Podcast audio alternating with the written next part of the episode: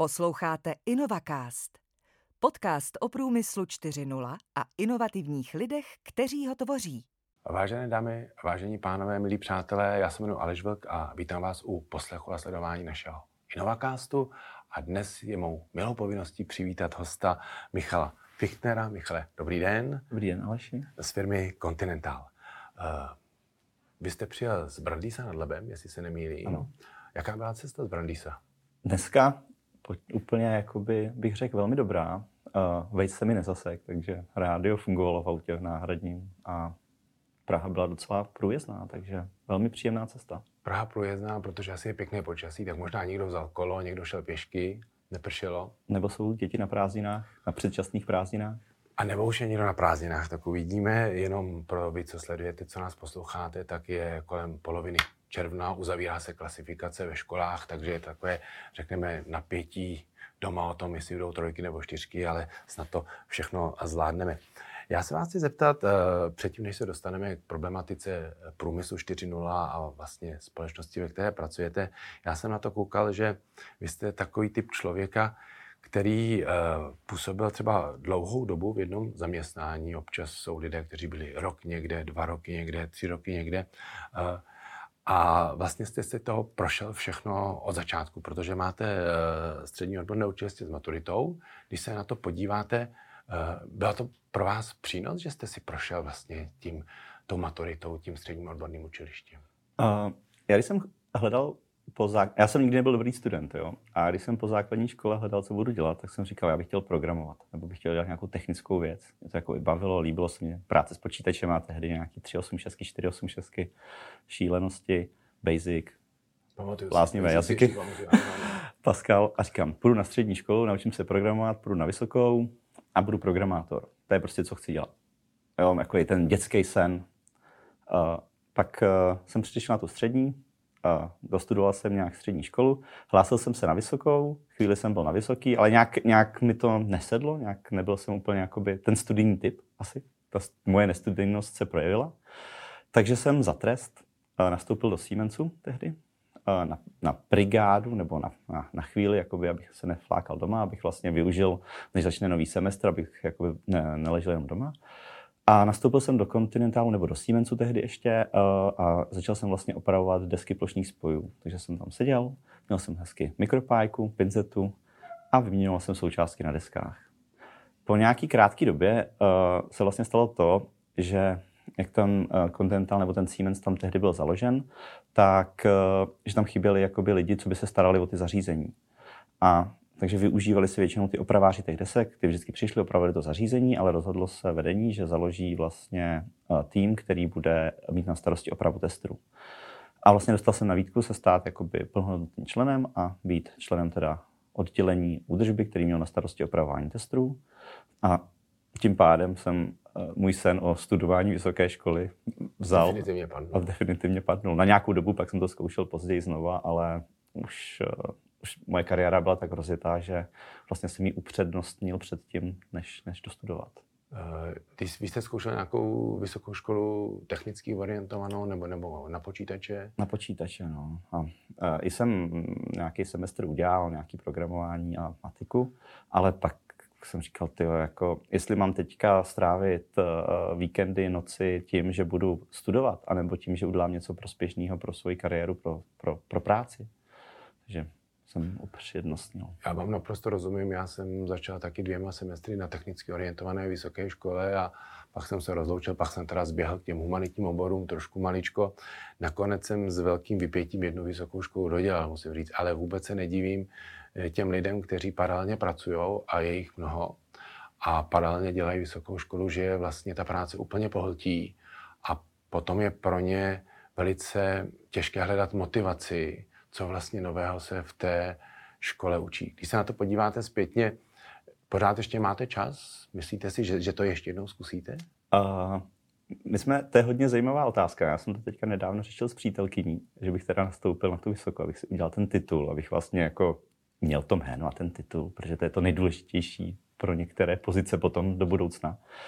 Ale aktuálně časově díky tomu vlastně, jak jsme brandy, se snažíme zdigitalizovat a udělat totálně digitální a automatickou továrnu z toho, tak já trávím víceméně hodně času v práci a potom, když už přijdu domů a mám hodně málo času, tak se snažím ho věnovat nebo být se synem nebo s přítelkyní a, a jinak pracuju. Takže myslím si, že, myslím si, že spíš ne, takže otázka spíš ne. Takže kdybychom vynechali ten titul, pořád jsme v Česku, kde ten titul si lidé píší na zvoncích a na, na poštovních schránkách, že? protože jsme zrušili šlechtické tituly, tak budeme mít aspoň tě z vysoké školy. Já jsem měl pocit, že to padne po určité době a na, naopak vidím, že se to zase začíná dostávat do módy. Dneska ráno dostanu do schránky eh, letáček politické strany nejmenované, protože se nám blíží komunální volby a jsou tam všichni představení s titulama. Že samozřejmě. Takže je vidět, že ty tituly opravdu nějakým způsobem pořád v té české společnosti rezonují, ale u, vám to vlastně v postupu uvnitř uh, vašeho zaměstnání nechybí. Mně to nechybí. Myslím si, že by mi to chybělo, kdybych chtěl třeba měnit práci a chtěl bych jít na nějakou podobně vysokou pozici někam jinam, tak bych mohl narazit na to, že ho nemám, protože vlastně oni očekávají člověka, který má za sebou vysokou školu. A i když podle mě to není ta důležitá věc, protože není moc uh, umění prostě chodit pět let někam, tam se šrotit a po pěti letech dostat papír. Jo. Mělo by vám to vždycky něco přinést a vlastně měl by to nějaký benefit. Jo. Takže možná ano, možná je možný, že se někdy začnu studovat. Ale čistě tady z toho. Takže já nejsem vůbec jakoby nějaký příznivce, čím víc titulů, tím víc člověk je. Já říkám, je důležité, co člověk umí, jak se projevuje, co dělá a co je schopen vlastně vymyslet a zařídit, než, než to, jestli má tři tituly před jménem a pět za jménem. Jo. Přesně tak. Máme plno lidí, kteří nemají žádný titul a přesto dokáží řešit věci a jsou vlastně svým způsobem moudří. A pak máme lidi, kteří prošli uh, nějakou institucí vysokoškolského typu. Dneska je to víc než 50%, ale ve své podstatě to nic neznamená.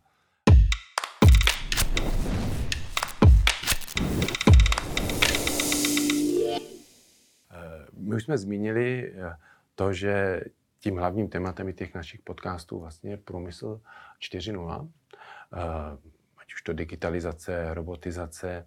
Eh, já se chci zeptat, co pro vás vlastně ten pojem průmysl 4.0 znamená, protože jsou někteří lidé, kteří říkají, pro mě je to moc abstraktní, je to jako jety, kterého jsem vlastně nikdy neviděl. Máte vlastně vy v tom osobně jasno, co pro vás znamená i s těma vašima životníma zkušenostmi průmysl 4.0? Uh, já to vlastně občas jsem vysvětloval doma rodičům, protože ty jaký říkali, co to vlastně děláš za práci. To je taková nějaká něco s počítačem nebo něco v tom smyslu. No a pro mě průmysl 4.0 je vlastně nějaká digitalizace něčeho. Jo? Vlastně je to další možnost, je to o tom, že už nebudeme mít asi lidi, možná budeme mít hodně strojů, hodně robotů, automatických strojů, ale není to jenom o tom, že budeme vyrábět něco automaticky. Pro mě ten průmysl 4.0 anebo vůbec ta digitalizace těch továren znamená, nebo těch firm, že musíme se na ten kompletní uh, řetěz. Od začátku, od toho, jak vlastně budeme dostávat ty vstupy, ať to bude třeba vstupní materiál, nebo objednávky od zákazníků, nebo data od nějakých firm ohledně vývoje, o tom, jak ten produkt nebo tu, tu službu, co děláme, uděláme, aby byla digitální, aby jsme tam nemuseli mít paní, co tam bude mít papír, která bude, nevím, vyplňovat, eh, pan XY si objednal tři tušky třeba, a o tom, jak se to potom stane ta věc, ta služba nebo ten výrobek a o tom, jak se zabalí, expeduje a zase se dodá tomu, kdo si to objednal. Takže pro mě ten průmysl 4.0 je digitalizace celého tohohle toho řetězu, všech těch událostí a je to o tom, že vlastně eh, člověk by měl dělat přidanou hodnotu. A vlastně průmysl 4.0 nám eh, vlastně je takový věc, je takové moto nebo takové slovo, které nám vlastně pomáhá, aby vlastně člověk dělal přidanou hodnotu a to, kde nemá přidanou hodnotu, tak vlastně nahrazujeme nějakou chytrou automatizací, digitalizací. Mm-hmm. Takže eh, bez zesporu je to bez papíru. Už je to více či méně minimalizace papíru, všechno převod na nějaká data, všechno převod na nějaké vlastně počítače, tak aby se to zautomatizovalo vstupy. Už více-méně si dokážu představit, že existují bez papíru. Je to znak té digitalizace taky pro vás? Uh, určitě to je Kromě certifikátu, ty si ještě můžu dát na nástěnku, že tam... A ten diplom ještě. A diplom, diplom. na tu, na tu nástěnku. Ale uh, jo, Uh, je to taková vlastně ta ukázka, že když začnete digitalizovat, automatizovat, tak je to bez papíru. Ale mělo by se říct, že to není jenom o tom, že máte že papír nahradíte Excelem například. Jo? To není vlastně digitalizace potom. Jo? Vy digitalizujete to, když ten, ty data, když jednou zaznamenáte, tak už jste schopen kdykoliv a kdekoliv použít, jakkoliv. Jo? Už je máte prostě. Teďka, když vy je nahra, napíšete na papír nebo je napíšete do toho Excelu, ten si uložíte u sebe do počítače nebo na nějakou flash disk nebo někam na cloud, když budete jako hodně in, tak eh, to není digitalizace. Vy jste prostě nahradil papír, máte to prostě v počítači, ale je to sice digitální, ale není to digitalizace. Digitalizace je, až když vy to napíšete někam a potom ten navázaný člověk, třeba já, se vlastně k tomu lehce dostane, ty data můžu hezky použít pro sebe, nebo je můžu dát někomu dalšímu, k něčemu, nějaký další překlad těch dat a ten je zase použije. Jo? To, je ten, to je ta digitalizace. To, že kupa firm si myslí, například koupím si pět robotů, nebo kobotů, nebo je to jedno čehokoliv, vozítek a jsem digitální. To není digitalizace pro mě. Pro mě to bude až digitalizace tehdy, když těch pět robotů bude napojený do jejich systému, těch pět robotů bude řízený automaticky, a ty roboti budou vidět, co dělají, když se rozbijou, tak kdokoliv z celého světa je, na, je schopen opravit. A zase ale ty roboti budou vyrábět jenom to, co chtějí jejich zákazníci, a budou to vlastně vyrábět v nějakým logickým posloupnosti tak, aby byly nejlépe vytížený. A aby to dělali automaticky, vůbec nemusel člověk tam stát, něco tam řídit. Jo. Já dávám takový jeden příklad. Já jsem jednou uh, byl vyslán na takovou služební cestu, kouknout se na super digitální systém uh, řízení výroby. A on byl fakt krásný. Nás postavili na jednu stranu, takový zdi velký, tam byly krásné displeje, tam to ukazovalo všechny věci o, o té výrobní firmě. Úplně super. Ale pak nás vzali na tu druhou stranu té zdi a tam bylo 100 lidí, kteří každý měl svůj Excel. Tam psali ty ruce, uh, rukama ty čísla a vlastně ty displeje ukazovaly jenom to číslo z těch Excelů. Takže to nebyla ta digitalizace. Ta digitalizace by byla, když by to ty uh, lidi nepsali, protože ty lidi pořád někam volali, ptali se na něco, ale ty data by připlynuly automaticky od toho místa, kde vznikly zapsali se do systému a pak se zobrazili. To je pro mě ta digitalizace a ta automatizace. Jasně, takže vlastně minimalizace toho člověka, jakoby eh, poskytovatele dat, ale je to člověk, najednou se vlastně člověk jako takový stává opravdu tím manažerem, stává se tím, který data vyhodnocuje, dává jim nějaký smysl, zamýšlí se na strategii, ale všechno, co jde, tak ve své podstatě i ta data, i ty vstupy, ty výstupy vlastně jsou zpracovány a to, že nahradím něco něčím, je, je vlastně ten první krok, nutný, ale ne, je, není to ještě znakem nějaké, nějakého průmyslu 4.0, ale já musím s těmi daty především pracovat. Když s nimi nepracuju, tak to pro vás vlastně není průmysl 4.0. Přesně tak. A nebo s těma robotama. Jo? Když, když to vezmeme a hodně, hodně lidí to bere, že průmysl 4.0 je o té robotice, o té automatizaci, o těch dronech a autonomních vozítkách, tak super, krásný příklady ale vždycky to chce mít podchycený kompletně ten, a kompletně ten řetěz. K čemu to, to zařízení bude nakonec sloužit a jak vlastně bude dostávat informace, jak je bude odevzdávat a bude zapojen do toho ekosystému. To je vlastně ten pohled, že vlastně ta firma, když chce říct, že průmysl 4.0 je to, co u nás jako vede, by se měla kouknout kompletně na všechno. Nejen, nejen na to, že tam prostě nahází 100 robotů tady z obchodu a, a jsme vlastně dobří, máme roboty, jsme průmysl 4.0 továrna. To, to není.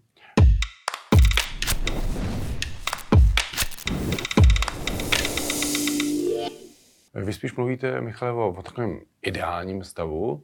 Eh, myslíte si, že někdo třeba, jak jste říkal, byste na nějaké exkurzi, byste se někam podívat, je někdo, kdo se k tomu přiblížil podle vás? Byl jste se podívat někde, kde už se to blíží tomu, té, té vaší představě?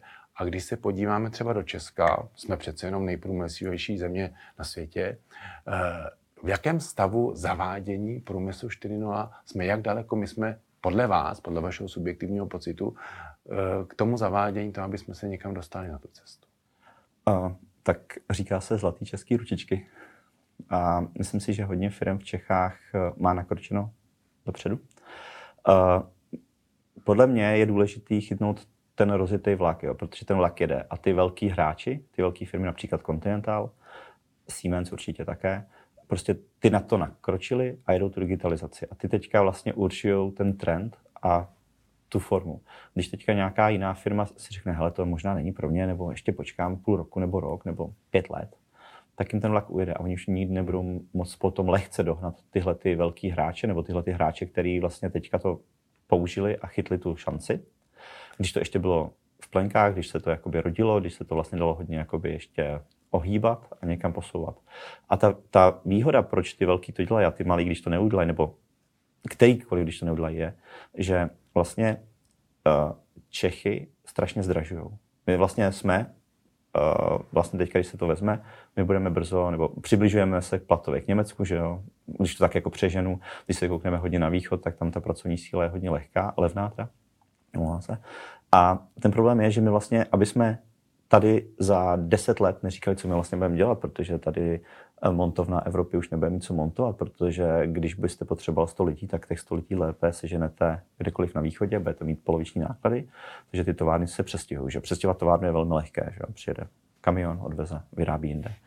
A to je možná ta šance ještě, kdy teďka nechat tu výrobu tady, nebo nechat ty, to vytváření toho, těch hodnot tu, v Čechách, je o tom, že vlastně teďka začít digitalizovat, automatizovat a vlastně, aby ty lidi v té továrně dělali opravdu tu přidanou hodnotu. A ještě se vrátím o kousek zpátky, jo? Mm. takhle omlouvám, že občas takhle skočím Není zpátky. Problém. Jste říkal, že uh, ty lidi by měli být manažeři a takhle. Ono, podle mě potom do budoucna budou několik skupin lidí. Budou ty manažeři, kteří budou rozhodovat, ale pak budou ty doktoři těch, doktorů, eh, těch do, eh, robotů. Mm. Potom bude hodně muset být hodně lidí, kteří vlastně budou mít technické vzdělání nějaký a budou schopní potom ten, toho robota, když jich bude mít jenom roboty ve výrobě, tak je budou schopni léčit a velmi rychle léčit a velmi efektivně léčit, když se ten robot nevyléčí sám. Jo? Takže si myslím, že teďka je takový to období toho, kdyby jsme se všichni měli zamyslet, co vlastně chceme dělat za deset let mm. a říct si, jo, chci za deset let prostě pracovat. Možná se může stát, že za deset let už nebudou všichni lidi pracovat, jo? protože některý lidi, kteří prostě nebudou technicky zdatnější nebo nebudou chtít uh, přistoupit na tu hru, nebo na, tu, na ten rozjet do toho vlaku, tak jim ten vlak ujede a za deset let co? Tak uh, když budete celý život někde šroubovat něco na lince, tak co za deset let budete dělat? Protože tam tak za deset let, tam na 100% ten robot bude. Jo? My už jich máme vlastně teďka v se přes 300. Je nás 3000, jo. Takže je to, je to velmi, jako velmi krásný ukazatel jenom toho, že ten vlak jede a je potřeba to chytnout a je potřeba přemýšlet nad tím, co chceme dělat za 10 let. To je asi tak, jako když se možná tehdy zaváděli auta nebo stavili všichni měli koně, všichni měli vozy, uh, povozy a říkali, to nikdy nebude fungovat. Mm. Nikdy nebude. A Bůh? Kolik máme konňů a kolik máme aut? Jenom to trvalo delší dobu, teďka to bude o hodně rychlejší, protože ten svět jde o hodně rychlejší, ten, ten vývoj. Určitě, já se ještě předtím, než se, než se budeme podívat e, přímo do Brandýsa e, k vám do závodu, tak se ještě zeptám na jednu věc. Přece jenom máme tady více investorů to takhle řeknu, eh, více majitelů nebo materských společností. Máme tady eh, japonské společnosti, že, které tady mají ceřiné společnosti, eh, německé samozřejmě, ale máme tady americké firmy, máme tady firmy z Francie, možná některé anglické.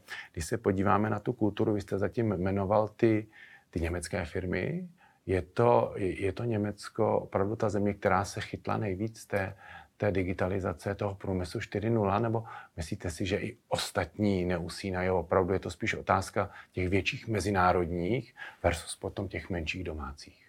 Uh, já si jakoby myslím, nebo mám, jakoby, jak jsem se bavil s nějakýma kamarády, kteří jsou v různých jiných firmách, uh, ono není důležité, jestli ta firma je z Japonska, z Anglie, z, z odkaďkoliv. Prostě ty, většina těch firm se to chytla a snaží se to někam tlačit. Jsou některé firmy, kde to ještě skřípe, protože ještě úplně nepochopili tu přidanou hodnotu, protože pořád si myslí, že ty lidé budou, vždycky tam budou ty lidi. Jo.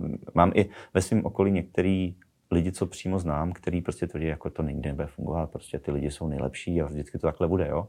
Ale v krátké době se ukáže, že to tak nebude. A uh, pak ta otázka na odpověď na tu druhou. Já si myslím, že i je hodně malinkých firm v Čechách, který, jsou, který, který v tom jedou. Je to o tom, že ten vlastník vlastně je potřeba, aby uh, se zamyslel, co mu to přinese, dělal si dobrý uh, návratnost a začal dělat to, co mu doopravdy vrátí peníze, protože potom, když tam má a teďka bude příklad úplně čistě. Když má pět paní, které mu přijímají faktury nebo přijímají objednávky, tak když jenom zdigitalizuje tohleto, tak možná na začátku zaplatí nějakou horentní sumu, třeba milion, za nějaký systém, který mu vlastně ty, uh, bude automaticky zakládat ty objednávky, ale ušetří třeba tři paní a ty tři paní může dát, vzdělat, může prostě povýšit a můžou mu dělat potom něco, co bude mít to hodně přidanou hodnotu na tom, na čem bude on vlastně vydělávat. Takže může se rozrůst díky tomu. Je to taková, je to ten, ta digitalizace vám vlastně pomůže ještě díky nezvyšovat headcount a vlastně hmm. být víc efektivní, vyrábět víc a být větší. Michal, jestli se to nezdá, tak máme za sebou prvních 20 minut. Uběhlo to jako voda. Já děkuji moc krát A já se těším na pokračování uh, popovídání si, kdy už se budeme podívat do Brandýsa. Takže já vám, Michal, moc krát děkuji. Také děkuji.